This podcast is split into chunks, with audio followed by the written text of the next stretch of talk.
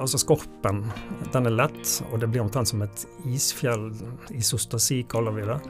Hvis uh, isfjellet er høyt, så stikker det også dypere ned i sjøen. Og Sånn Mm. er det også med jordskorpen. Ja. Der du har høye fjell, der har du også dype røtter. Og uh, fjellet ser vi ikke, og røttene ser vi ikke direkte, men vi ser det som har vært røttene. ja. For det har kommet opp igjen. Og vi kan, den finner, finner vi spesielt på Nordvestlandet, fra Bergen og nordover. Så finner vi tegn til at eh, den har vært veldig dypt nede. Og hvordan finner vi ut det? Jo, det er ved å se på mineraler som er stabile på, ved høye trykk.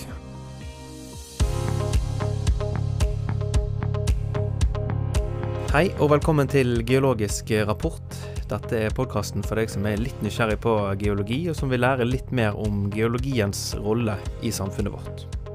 Jeg heter Andreas Viken, og jeg er geolog.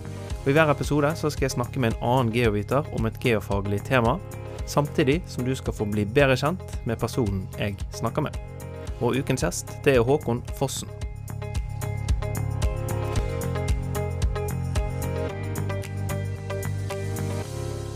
Et fjell det reflekterer mange geologiske prosesser og er et slående bevis for at jordens tektoniske plater beveger seg. Fjellkjedebygging kalles gjerne originese og foregår der to tektoniske plater beveger seg mot hverandre, som f.eks. langs kysten av Sør-Amerika og i Himalaya. Til og med Norge hadde en gang for lenge siden en stor fjellkjede kalt den kaledonske fjellkjeden. Og Den skal vi snakke litt mer om seinere, for i dag er temaet fjellkjeder. Og han som skal lede oss trygt gjennom det, det er deg, eh, Håkon Fossen. Velkommen. Takk skal du ha. Eh, jeg tror vi bare starter i, eh, i Sør-Amerika og Andesfjellet. Hvordan ble disse skapt? Andesfjell er jo en fantastisk imponerende fjellkjede. Den er veldig lang, veldig høy og fortsatt aktiv. Og da er det jo ekstra spennende. Ja. Og den ligger på vestkanten av en, eh, den søramerikanske platen. Og uh, i kontakt med en plate i vest, en havbunnsplate, Natska-platen. Og de beveger seg jo da mot hverandre. Mm. Og når ting beveger seg mot hverandre, så, så kan det bli spennende. Da kan ting skje. Ja. Da har du krefter som presser eh, mot hverandre, og derfor har vi en fjellkjede akkurat i, i, langs den grensen. ja. Denne fjellkjeden er jo ikke, er ikke helt ny. Den, den startet kan- Dette med fjellkjeder Egentlig hele, hele det topografiske bildet som vi ser når vi ser på jorden, eh, hele, hele planeten vår med fjellkjeder her og hav der og kontinenter spredt rundt omkring.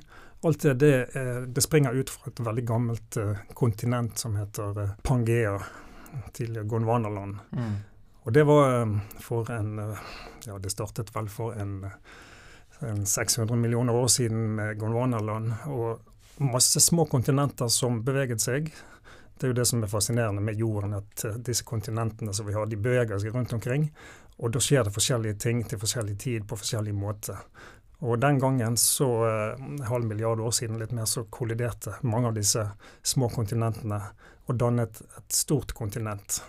Og det ble et kjempestort kontinent, og levde lykkelig en tid. ja. Men så begynte det å dele seg opp Mm. pga. prosesser i, dypere nede. ja. Så, så fikk, vi det, fikk vi oppdeling av det kontinentet. Og da bevegde forskjellige deler seg i forskjellige retninger.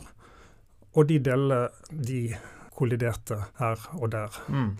Og vi fikk mange, mange fjellkjeder og, og hav på en helt ny måte. Ja, så det du sier er jo at om, om eh, noen millio- millioner år igjen, da, så vil jo andre eh, fjellkjeder komme opp igjen, eller altså skape, skape nye. F.eks. Himalaya er jo i geologisk tid relativt nytt sammenlignet med, eh, med andre fjellkjeder. da. Det er riktig. Um, Så når du fikk dannet dette superkontinentet, da fikk du en hel rekke fjellkjeder. ja, Kaledonidene blant annet, som vi vi kommer tilbake til. Ja.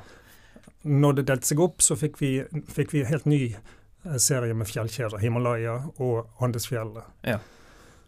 Og um, Andesfjellet, det, vi har flere typer fjellkjeder. Mm. Vi har de som kolliderer, der kontinenter kolliderer. Men Andesfjellet er faktisk ikke en sånn kollisjonsfjellkjede. Nei. Det er det som på engelsk heter en accretional uh, orogeny. Ja. Eh, accretional, Det er litt vanskelig å oversette, men sånn tilvekst eller vekst. Noe som, som vokser over tid uten Ja. at det er en kollisjon. Ja, av eh, vulkanisme, da, basically. Eller Blant annet vulkanisme. Det er andre ting også. Ja. Um, vi har jo havbunns uh, Et stort hav da i vest. Mm. Stillehavet kaller vi det i dag. Ja. Og um, den delen av det havområdet da, den beveger seg mot Andesfjell og Sør-Amerika. Mm.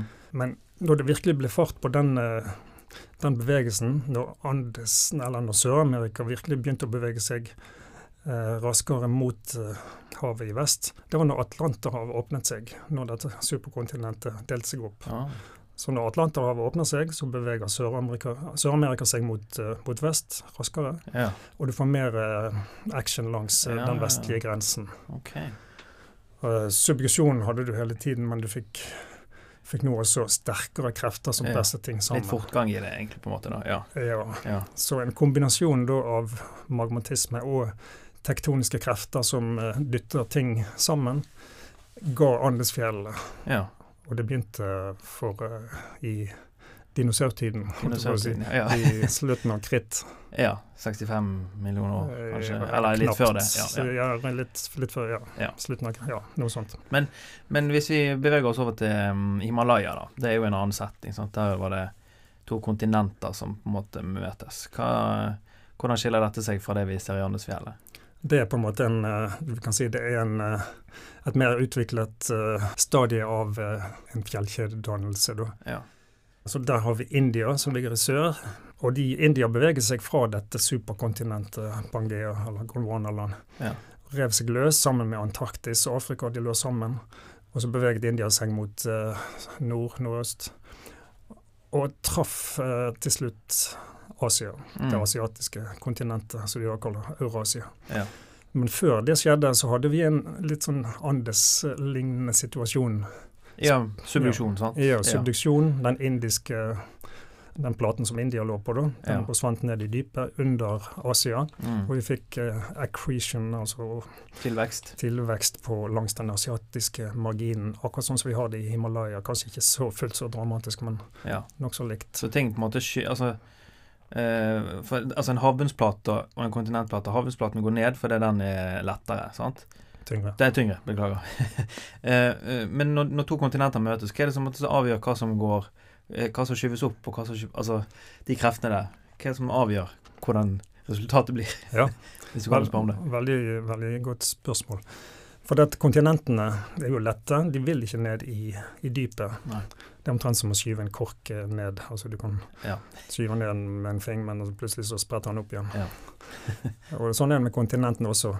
Eh, hvis man har en subduksjonssetting, sånn som vi har, hadde der når India beveget seg mot Asia, så hadde vi den eh, nordmarginen av eh, den indiske australske platen da den gikk, forsvant ned i dypet. Mm. Så det var på en måte etablert en eh, bevegelse ned i dypet der. Ja. Og det prøvde jo også kontinentmarginen da å følge. ja, okay, Ja. Men så eh, ble det vanskelig. Ja. Når det blir vanskelig, da er det du får den store deformasjonen av eh, det som ligger der i kontaktsonen mellom de to platene. Ja. Da er det du begynner å få skikkelig Skikkelig. kollisjonsfjellkjede og se effekten av den. Ja. Men um, du var jo litt inne på det i sted, dette med når vi har hatt uh, kontinenter som eh, beveger seg og går, glir fra hverandre. Det er jo på en måte dette med fjellkjeder. Det er jo det er en del av en sånn eh, eh, Wilson-syklus som vi eh, lærer på studiet. Eh, kan ikke du ta oss gjennom en sånn Wilson-syklus? Jo, det, det er jo en syklus. Den har jo Ja. ikke noen begynnelse og ende, egentlig. Nei. Men hvis vi begynner med et kontinent, f.eks. Pangea Etter en tid så vil det sannsynligvis begynne å dele seg opp hvis det er veldig stort. Mm. Og det skjer noe vi kaller rifting. Da strekker vi skorpen, eh, eventuelt dytter opp varmt materiale underifra, sånn at du får en eh, instabilitet, en, eh, en eh, oppdoming. Mm. Og så begynner det å gli fra hverandre samtidig som skorpen blir tynnere. Det, det. Da får du et basseng på toppen, sånn som vi finner i Nordsjøen fra bevart. Og hvis dette da fortsetter, det gjorde ikke Nordsjøen, det er en såkalt feilet rift, det høres jo litt negativt ut, men, men det er det vi kaller det. ja. Um, hvis det fortsetter, så ryker skorpen til slutt Ja. i to. Mm. Og i det uh, rommet som oppstår mellom de to det som blir da kontinentalmarginer, så kommer det opp uh, smeltet, uh, altså magma, Mm. og danner havbunnskorpe. Ja. Sånn som Nord-Atlanteren da, på en måte er Akkurat. et bevis på. Ja. Ja. Og så fortsetter det, da? I, Så fortsetter det, og du får et hav. Hvor stort det havet blir, det avhenger av hvor lenge den prosessen går med at de to kontinentene beveger seg fra hverandre. mm. Så eh, kan dette stoppe opp Atlanterhavet, det som var før Atlanterhavet. Det kalles Iapetus, f.eks. Det var jo et, et sånt hav som hadde åpnet seg akkurat på den måten. Mm. Så ble lukket igjen, fordi at eh, disse bevegelsene Det er et ganske komplisert system, hele jorden, med Ja. forskjellige plater som beveger seg i forskjellige retninger, forskjellig hastighet, og de interfererer med hverandre. Og du endrer hele systemet til ofte for gjentatte ganger, da. Ja. Så, så, så det som åpner seg i en tid, det kan lukkes igjen. Og det er da du får en fjellkjede til slutt? Da Da. får du først en sånn tilvekstfjellkjede, og så får du en kontinent-kontinent-kollisjon. Ja. Og det var det han Wilson, Tusen og Wilson eh, fant ut at dette er jo, dette er jo ganske fascinerende. Det, her har vi en, en syklus.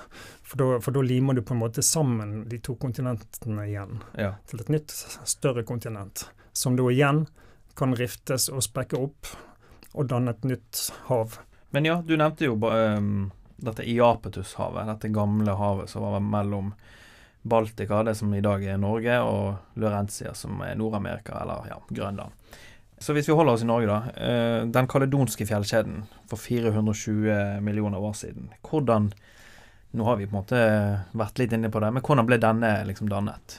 Ja, Den hadde også sine to faser. Den første fasen med accretion, eller tilvekst, der eh, det som kalles øybuesystemer og sånt kolliderte med marginene, Mm. spesielt med den uh, laurensiske magien da i vest, Grønland og Nord-Amerika, i østkysten av Nord-Amerika i dag. Ja.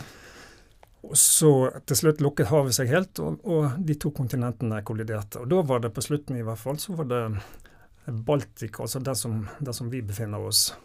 Den, del, den platen som, som var på vei, som hadde en etablert subduksjonssone ned mot vest, mot uh, Grønland. da. Mm. Og den, eh, der gikk, forsvant ting ned i dypet. eh, Og når den baltiske marginen, Norge, traff eh, det andre kontinentet, så fortsatte det ned av, si, av gammel vane, ned i dypet. Ja. eh, et, et stykke. Og det, det, det gikk faktisk ganske dypt ned. Eh, Kanskje i hvert fall over 100 km. Noen nevner opptil 150 km Ja. dypt ned. Og når jordskorpen er vanligvis eh, en 40 km tjukk, så eh, betyr det at det forsvant ganske dypt ned i, i mantelen. Mm. Um, før det da stoppet opp. Ja. Grunnen til det er kanskje det at vi tror det at den eh, baltiske marginen, det kontinentet som vi bor på, var relativt kaldt. Lav temperaturgradient, sterke bergarter. Ja. Og, og det var mulig å trekke den ned i, i dypet. Men med dette med sånn skyvedekker og sånn, altså når er det det kommer inn i bildet? Akkurat i den prosessen, når, når den marginen blir, forsvinner ned i dypet, så, så fliser du opp og skreller av eh, deler av kontinentet, som da blir fraktet eh, i motsatt retning. Og Ja. det er da skyvedekkene som vi finner helt eh, mot eh, nesten til Oslo. Ja, ja for det, det er jo liksom neste spørsmål. da. Hvordan vet man liksom at, at vi har hatt en så stor eh, Eller hvor høy har denne fjellkjeden vært? Hvis, klarer man, hvordan klarer man å, å finne ut av det? Ja, det er jo ingen fjell egentlig å snakke om igjen av eh, de kaledonske fjell, i hvert fall. Nei. Så det er jo et godt spørsmål. Um, det er omtrent som altså Skorpen. Den er lett, og det blir omtrent som et isfjell. Isostasi kaller vi det. Hvis uh, isfjellet er høyt, så stikker det også dypere ned i sjøen. Og Sånn Mm. er det også med jordskorpen, kontinentale jordskorpen. Ja. Der du har høye fjell, der har du også dype røtter. Og uh, fjellet ser vi ikke, og røttene ser vi ikke direkte, men vi ser det som har vært røttene. ja. For det har kommet opp igjen. Altså den marginen, kontinentale marginen som ble, ble subdusert dypt ned i mantelen, den kom opp igjen. ja. Og vi kan, den finner, finner vi spesielt på Nordvestlandet, fra Ja. Bergen og nordover. Så finner vi tegn til at uh, den har vært veldig dypt nede. Og hvordan finner vi ut det? Jo, det er ved å se på mineraler som er stabile på, ved høye trykk, ikke på lavere trykk. Som kvartsvarianter. Og, ja.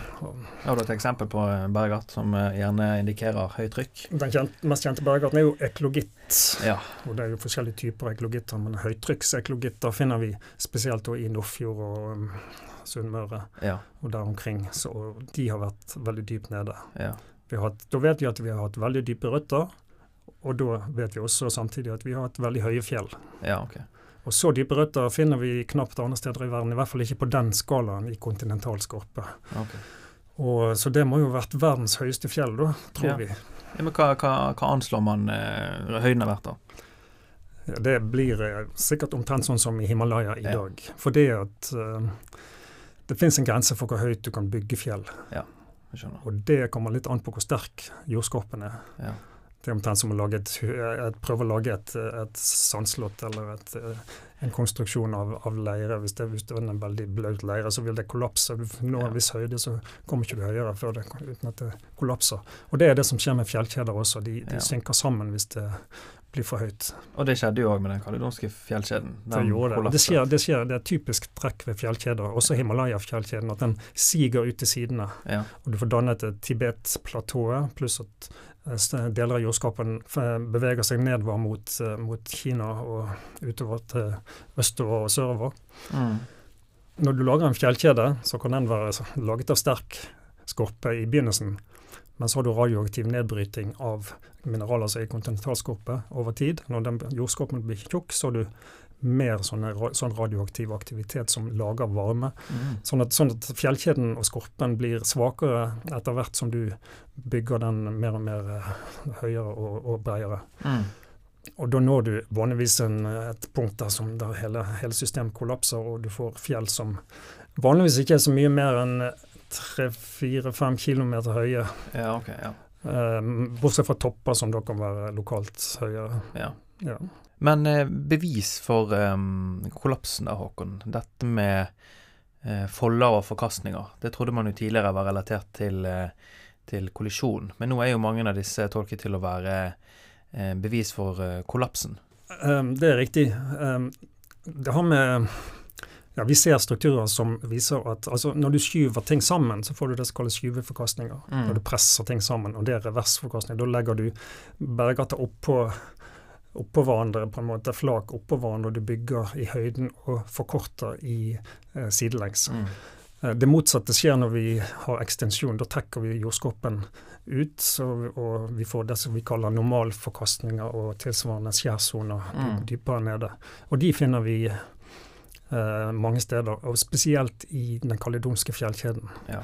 Og det, var, det er veldig interessant. Det, det var jo det jeg eh, drev på med under min eh, doktorgradsperiode, å prøve å dokumentere dette. Mm. For vi lærte at alle disse skjærsonene og forkastningene i, som var verdt å se på i eh, de var skyveforkastninger, og det hadde beveget seg mot øst og sørøst. Ja, så det var kollisjonsfolder, da, egentlig? Ja, ja, eller- Folder og Ja. masse mange folder som De mange foldene som vi finner i, i eh, kaldonidene. Mens jeg da dokumenterte at, eh, og også andre selvfølgelig, at det meste av dette faktisk viser feil bevegelse. ja. Altså ikke bevegelse vekk fra kollisjonssonen og ut mot siden, men inn mot kollisjonssonen. ja.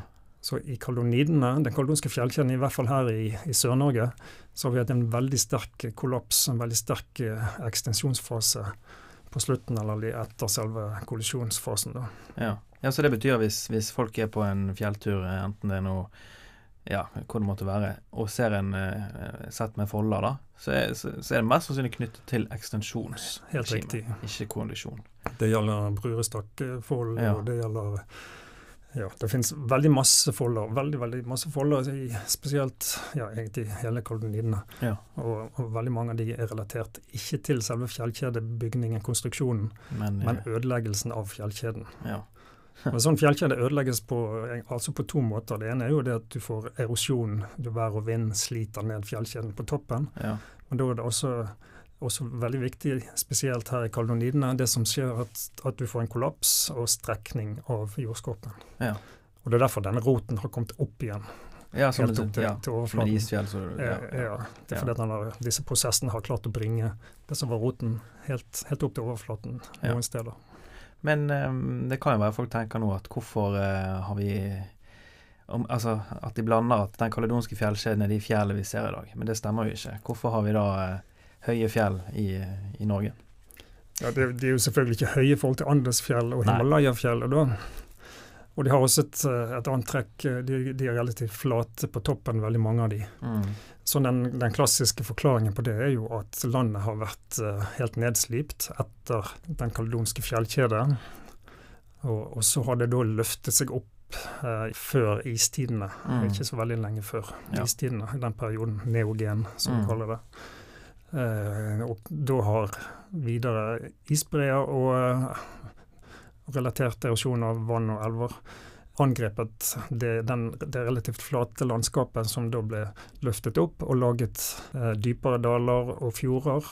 Og fått det til å bli sånn som det ser ut i dag. Så noen, eh, det, man kan si det at Norge har egentlig ikke så veldig mange fjell, ekte fjell.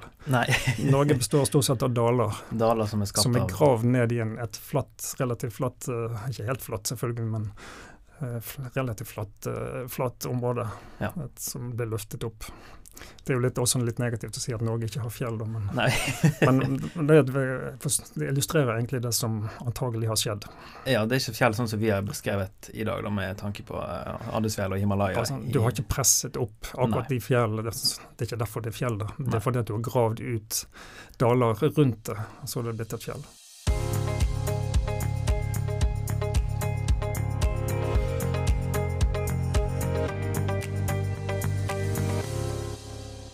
Da skal vi uh, snakke litt om deg og din karriere, Håkon. Uh, du har en ja, mildt sagt innholdsrik og imponerende karriere. Eh, sant? Mange studenter, inkludert meg sjøl, har brukt strukturgeologiboken din, nettsiden din. Du er medvirkende i to kapitler i boken 'Landet blir til'. Og så er du med på 170 vitenskapelige artikler og har 1500 siteringer per år, for å nevne noe. Eh, hadde du satt for deg dette når du eh, startet å studere geologi? Når jeg startet å studere geologi, så var jeg veldig usikker på om jeg eh, ja, rett og slett var, var god og flink nok til å, til å, gå inn på et sånt studie. Så um, kanskje derfor så brukte jeg veldig mye tid på å lese og jobbe meg gjennom læreboken. Ja. Og, fant, og, fikk overraskende god karakter, overraskende for meg i hvert fall. Og, og fikk en, på en måte en bekreftelse på at dette var mulig å, å fortsette med. Ja. Men hva var liksom inngangen til geologien da, sånn i, i starten? Hele inngangen hele, Det som er viktigst for meg, det er at, um, at jeg har en interesse og nysgjerrighet som, som driver meg. Det har jeg hatt siden jeg var liten. Hva, ja. Steiner, sånn. Stein er jo noe som er uh, en del av den norske kulturen, helt fra vi putter det i munnen som små barn og kaster det etter hverandre, til vi kommer, um, kommer opp i og, ser på bygningsstein og annen bruk av stein. Ja eh, nysgjerrighet, fascinasjon og ja, spesielt nysgjerrighet. og har, hva, Vi har så mye stein. Hva er dette for noe? Hva slags historie forteller disse steinene som ligger rundt omkring? Mm. Jeg har hørt om kvarts. Hva er det for noe? Hva, ja, det er noe som vi bruker i vinduer. Så, så fortsatte dette å, å, balle på seg, og vi fikk litt impulser. Og Da det, var det viktig å ha en, en naturgeografilærer, f.eks., som, mm. som hadde litt å, å gi og motivere. Og så, så, vokste egentlig bare interessen for dette. Mm. Det var ikke det jeg hadde bestemt meg for når jeg var fem år gammel, men det, det, var, jeg har hatt forskjellige ønsker om karriere før det. Ja. Men eh, mest egentlig på videregående skole og, og få noe, faktisk noe eh, god informasjon om geologi og de prosessene som, som virker. Ja. Det var veldig viktig. Men hvordan var det på studiet, da? Du sa jo litt at det var du måtte få litt bekreftelse på at, uh, at du håndterte faget. Um, hva vil du liksom trekke frem fra, fra studietiden din da, som var det kjekkeste? Altså, jeg vet jo at ja, feltarbeid og feltkurs går jo veldig igjen her, da, men uh, sånne ting. Eller andre ting. Du det var jo det å ha tilgang til uh, både lærebøker og personer som kunne svare på spørsmål og gjøre stoffet enda mer spennende og levende. Ja. Og det å suge til seg kunnskap. Men hvem var liksom de store navnene på, på din tid? holdt på å si? jeg, var, jeg, begynte jo i, i, hagen hjemme og fant stein. og fortsatt derfra, utvidet derfra til uh, bergensområdet og, og utover. Mm. Så, um, så det var jo de lokale geologene Kolderup og ja. Anders Kvale som jobbet med, mest med Bergsdalsdekkene, men også med geologien ellers på Vestlandet. Ja. Som jeg uh, ble fascinert av. De kartene som de laget, de kopierte jeg på kopimaskin og studerte. Og, og så var jeg også veldig mye eh, en person som gikk mye i fjellet og på tur. Mm. Og på fjellet er jo bergartene enda mer, bedre eksponert enn enn van, til vanlig. Så ja. med kart i den ene hånden og, og øynene med seg, og sånn, så, så, ble det en stimulering som også var ganske viktig. Ja. Hm. Men så tok jo du en, kanbag en cand.mag i, i, 84 og en kansient i 86. Etterfulgt av en doktorgrad i 92 i Minnesota. Eh, hva var grunnen til at du ville dra til eh, Minnesota? Når jeg holdt på med eh, master, eller det som nå kalles mastergrad, hovedfag på eh, instituttet i Bergen, så var det en eh, amerikansk gjesteprofessor som var en annen kilde til stimulans. Så vi, han viste meg ting som, og snakket om ting som jeg ikke hørte fra mine veiledere, eller ja. min veileder. Sånn at jeg på en måte utvidet horisonten og viste at her er en verden utenfor der andre deler, andre deler av det geologiske miljøet har andre ting å, å tilby. Ja. Så da ble det veldig, syns jeg det ville være veldig spennende å reise ut et annet sted, i et annet miljø, mm. og lære mer der. Ja. Og det hadde jeg inni hodet mitt fra jeg eh, var ferdig med mastergraden, ja. hovedfaget. Selv om jeg da begynte å jobbe i Statoil, mm. så jobbet jeg og fikk eh, permisjon derfra i tre år for å reise til Minnesota for mm. å ta en ph.d. Og det var en veldig positiv opplevelse med å komme til et helt nytt miljø og nye impulser og ideer, og, og så deretter komme tilbake og, og, føle at jeg kunne anvende de på en ny måte. Mm. Men litt infrastrukturgeologi dette, da? sant? Ja. ja. Men eh, ja, du sa jo litt Du var i Statoil i ti år, fra 86 til 96, som geofysiker, seniorgeolog og overgeolog. Hva var det du bidro med i, i Statoil? Der brukte jeg jo eh, strukturgeologikunnskapen min, da. Sånn at eh, det var i Nordsjøen da det dreide seg om å prøve å forstå den geologiske utviklingen. Og i tillegg eh, var jo en del av jobben å brønnplanlegging og brønnolje, produsere olje og ja. finne olje. Ja, basically strukturer for å finne, identifisere feller og, ja. og sånne ting. ja. Men jeg fikk, fikk anledning, jeg hadde jo en ph.d. etter etter de første årene så hadde jeg jo kommet tilbake med en ph.d. etter mm. permisjon. Så da fikk jeg jo anledning til å anvende denne kunnskapen. og gjorde en strukturell eh, analyse av spesielt av Gullfox-feltet, da, sammen med Jonny Hesthammer, som da var min kollega der. Og det var også veldig gøy og veldig takknemlig for at jeg fikk lov til det. Mm. Og vi publiserte artikler og fikk på en måte en akademisk vinkling inn i det som vanligvis er en tørr ja. oljehverdag. jeg skjønner, ja. ja. ja riktig. Men, men um, ja, i 96 da, eh, så blir jo du òg professor ved instituttet. Hvordan eh, liksom overgangen til å, å, bli plutselig professor? Ja, det var jo, Professor ble jeg strengt tatt et år etter, ja, okay, etter opprykk. Men um, det var jo kjempe, kjempeflott å få lov til å komme tilbake til eh, det akademiske, rene akademiske miljøet. Mm. Med den frihet som det, det, gir. Ja. Så det var jo helt, helt topp. Ja. Og eh, ja, hva mer skal man si om det? Og det å kunne grave seg ned i og styre sin egen forskning mm. og retningen på det, sånn som man fant uh, uh, fornuftig og stimulerende. Ja. Og formidle dette videre da, til studenter. Det, det er helt helt supert i forhold til det å være i en eh, kanskje bedre betalt jobb, men veldig styrt. Eh, mer styrt eh, når det gjelder hva man kan jobbe med og ja. målsettinger. Og, ja. Men du, mye av det du har jobbet med, er jo strukturgeologi og tektonikk. Hva er det du liker så godt med, med disse to? Og det, er jo det, det, er jo, det, er jo veldig mye geologi som er fascinerende. Så, ja. Den gang var det, var det veldig mye fokus på det. Og um, dette med krefter som virker Jeg tror det med kreftene som virker i jordskorpen. Kan, I all verden kan du løfte opp uh, fjell opp til uh, 8000 meters høyde. Eller, altså, hvordan er det mulig? Sånn? Det er jo enorme krefter som virker. Mm. Og jordskjelv og strukturer og ting. Det, det, var veldig fascinerende. Mm. Da jeg studerte, så var det på en måte to grupper eh, av studenter. Den ene gikk til uh, orienterte seg mot oljerelaterte fag, og da var det først og fremst sedimentologi. Og, Mm. Mens den andre gruppen da uh, gikk mot tektonikk og strukturgeologi. Så det var en liksom todeling der. Selv om Ja. mange av de som gikk til strukturgeologi, fikk jobb i oljeindustrien ja, for de henger jo litt sammen likevel. sant? de gjør det, men Ja. de var ikke integrert i like stor grad som de burde være. Nei. Men, men for deg som er strukturgeolog, eh, så er jo feltarbeid viktig. Eller på hvilken måte er det viktig for deg?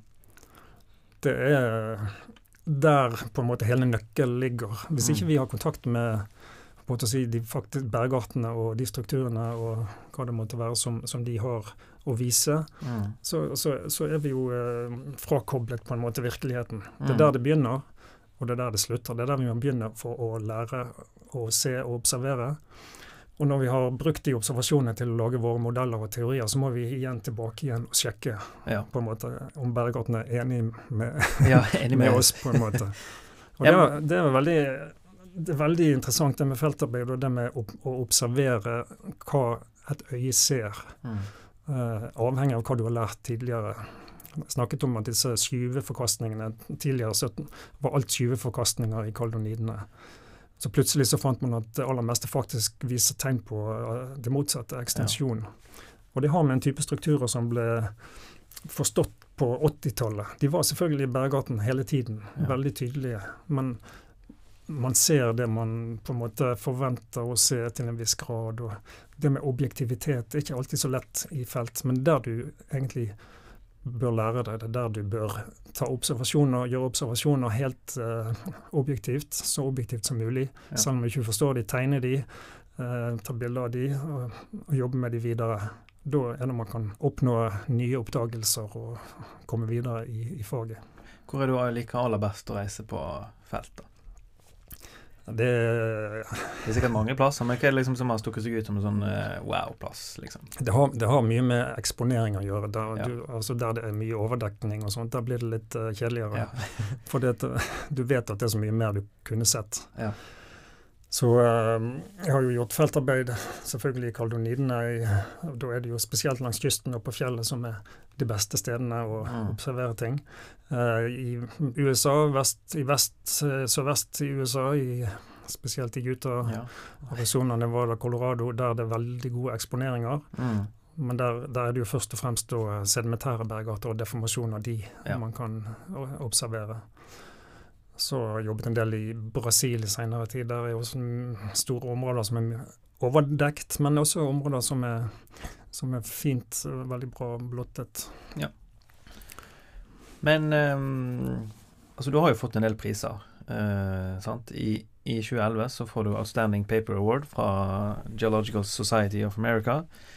Og I 2012 så fikk du Nordic Geoscientist Award, og i 2019 så ble du hedret av Universitetet i Minnesota med prisen Distinguished Leadership Award for Internationals eh, for ditt bidrag over mange år til kunnskap om strukturgeologien i både Norge og verden. Altså Disse prisene er jo på en måte ikke De er jo eh, fra utlandet, så, så du har jo på en måte Du er jo et stort navn i utlandet òg. Hvordan er det på en måte å få en sånne anerkjennelser? Det er jo selvfølgelig veldig, veldig kjekt Ja. å få priser, selvfølgelig. og um, vi har jo ikke så veldig mange priser i, i Norge, egentlig. Mm. Men det, det er en viktig ting å, å, å så fordele de. Det, men det å få priser betyr jo ikke at du er den beste. Det å få priser har veldig mye med at du har noen som kan nominere deg til, ja, ja, til en pris. Og det, er, det er ikke sånn at de som ikke har fått så mange priser, ikke, de kan være dyktigere på Mm. mange måter. Det er, ikke, det er ikke det det går på. Men uansett så er det kjekt å, å få priser. Og det bør vi jo egentlig tenke på når vi at vi prøver å nominere kollegaer og Ja. andre som har gjort en, en god jobb. Men um, hvis du ser tilbake på karrieren din nå, da, Håkon. Hva, hva er du liksom mest stolt av å få til? Ja, det, det er egentlig ganske lett å svare på. Ja. Og det er det å på en måte formidle eh, ting til studenter. Til neste generasjon. Nå, ikke, jeg underviser jeg selvfølgelig litt, men ikke like mye som mange andre. Men det jeg har gjort, er å skrive en lærebok i strukturgeologi. Mm. som uh, først på norsk, da, sammen med Roy Gabrielsen, men en, en ny lærebok på, på, engelsk som ble publisert på Cambridge University Press. Mm. Der prøvde jeg jo da på en måte å samle den kunnskapen som jeg, som jeg hadde, det som jeg hadde lært, det som jeg syntes var viktig å formidle i strukturgeologi. Og var jo igjen veldig usikker på hvordan det ville bli mottatt. Men markedet tok veldig godt imot den. Studentene tok, har tatt veldig godt imot den. Solgt godt den mm. mest brukte strukturgeologiboken på verdensbasis. Har blitt ja. oversatt til en rekke forskjellige språk. Ja, det og når de kommer på konferanser, og sånt, så, så, er det alltid studenter som vil uh, ha signatur og underskrive. Ja.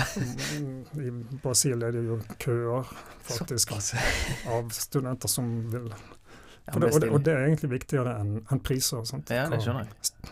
Og det er en veldig god bok òg, det skal sies. Jeg uh, hadde veldig stor glede av den. Så jeg, uh, jeg har troen på at eh, hvis den selges på land, verdensbasis, så tipper jeg at den er slår godt an. Så da må jo jeg si takk for at du skrev en sånn bok. ja. Siste, siste språket ble oversatt til eh, mongolsk, mongolsk ja. hvis du har interesse for det. Ja, men det får jeg skaffe meg den utgaven her, da. Så det, det anerkjennelse fra studenter er egentlig det viktigste, viktigere enn en priser og alt annet. Og det, så det er det viktigste bidraget mitt, føler jeg. Ja. Nei, men da, Håkon, da sier jeg eh, tusen takk for at du tok eh, turen hit i dag. Bare hyggelig. Og vil du høre flere episoder av Geologisk rapport, så finner du disse på de fleste plattformer du hører podkast. Følg gjerne Geologisk rapport på Instagram, og har du spørsmål eller forslag til tema eller gjester, så kan du sende meg en melding der, eller på andreas.viken. Denne podkasten er laget i samarbeid med Institutt for geovitenskap ved Universitetet i Bergen. Takk for at du hørte på.